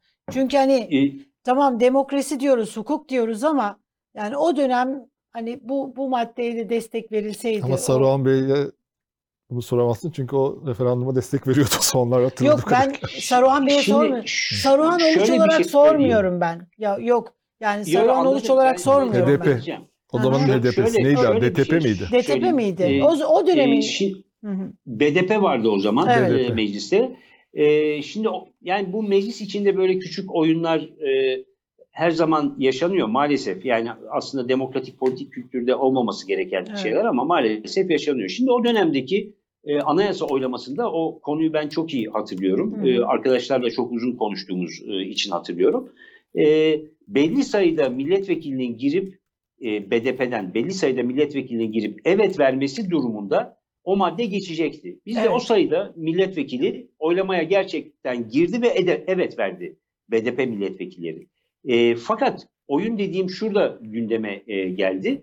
E, o zamanki iktidar partisinin içindeki daha Milliyetçiler. e, e, milliyetçi olan e, bir e, ekip e, o oylamada evet vermedi. Yani Dolayısıyla Sadık Yakut yani, falan e, vardı ya onlar Evet o madde o yüzden düştü. Yoksa ha şu e, tabii ki e, eksiktik e, sonradan bunu değerlendirdik. Biz keşke böyle bir oyunu öngörseydik ve e, arkadaşlarımızın bir kısmı değil gereken sayıda değil de e, daha fazla sayıda insan girip oy vermiş olsaydı. Bunu değerlendirdik sonradan. Bu bizim bir Hı hı. e, nasıl diyeyim bir eksikliğimiz hani e, Hı hı. e, gereksiz bir güven duymuş olmamız demek ki.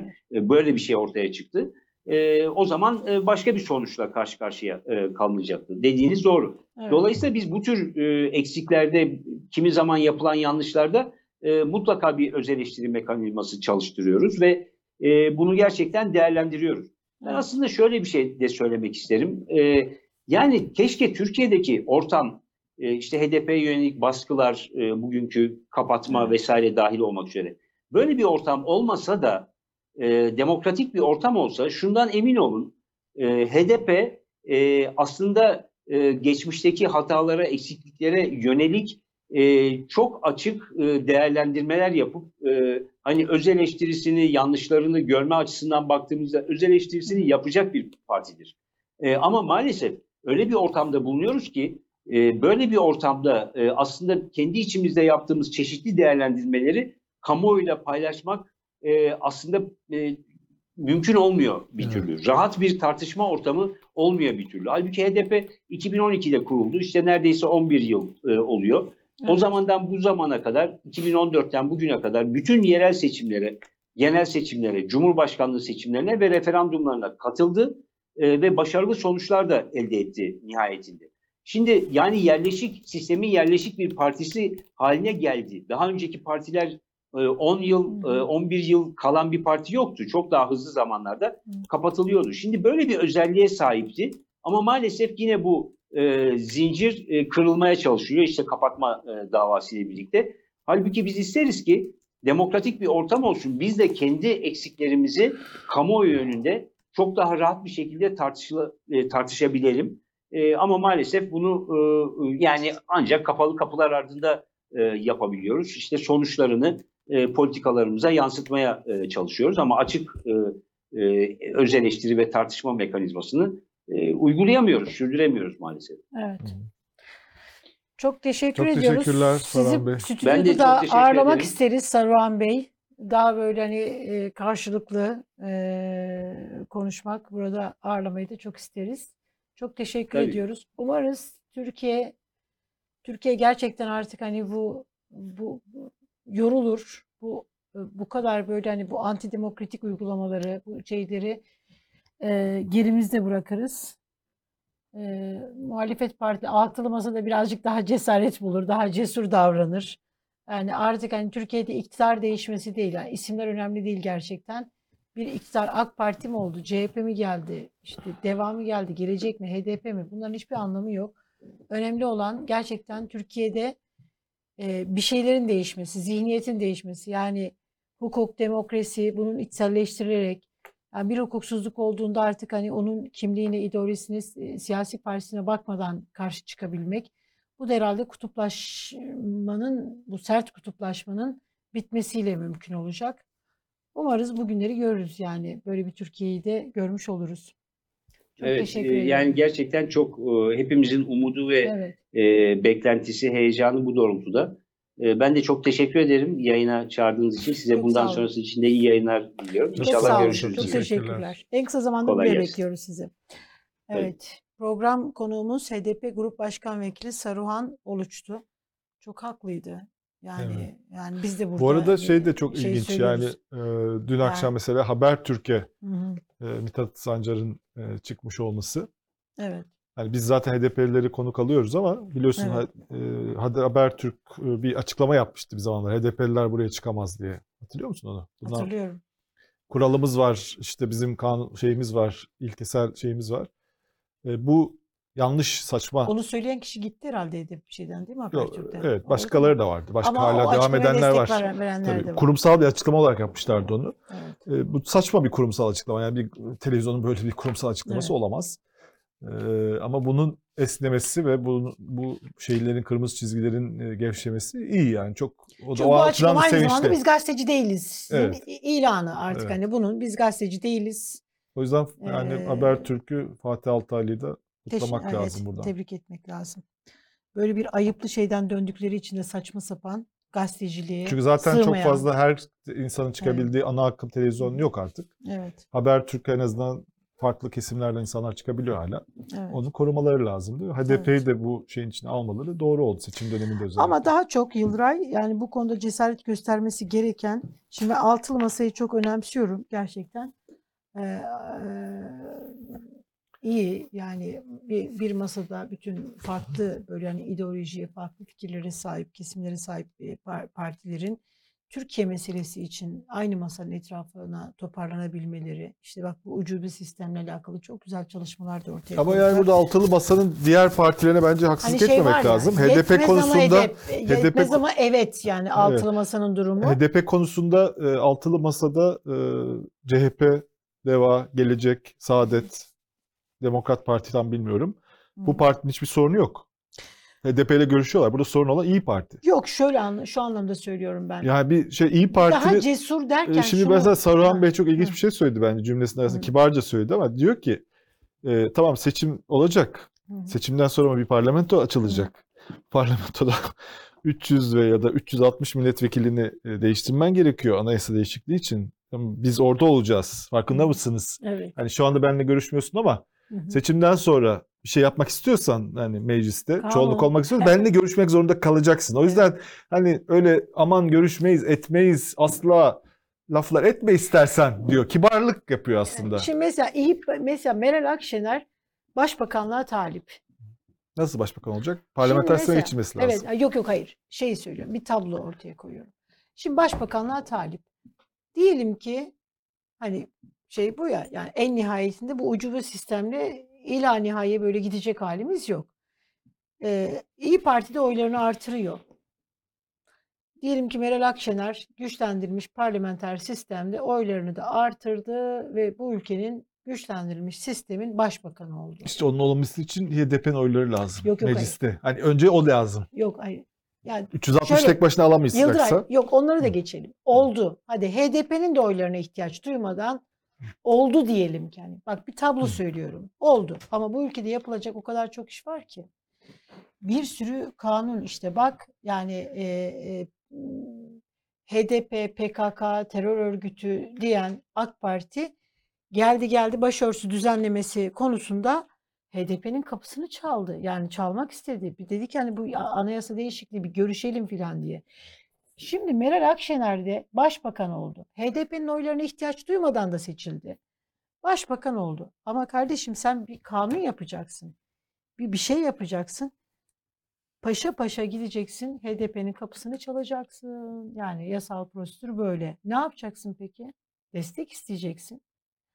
Diyelim ki bir kanun geçireceksin ve orada da işin matematiği var ya HDP'nin desteğine milletvekili yani şey o- oya ihtiyaç şeyim var. Mecliste desteğe ihtiyacım Evet. var.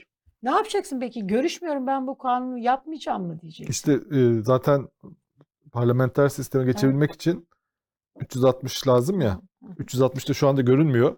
Evet. Onun için de lazım zaten ve olacak lazım. o. Olacak o Evet. zaten. Yani olacak şey bu yani alamayacaklar ve Evet. onunla ittifak yapacaklar ama Evet. seçime kadar böyle götürmeyi Evet. düşünüyorlar herhalde. Evet.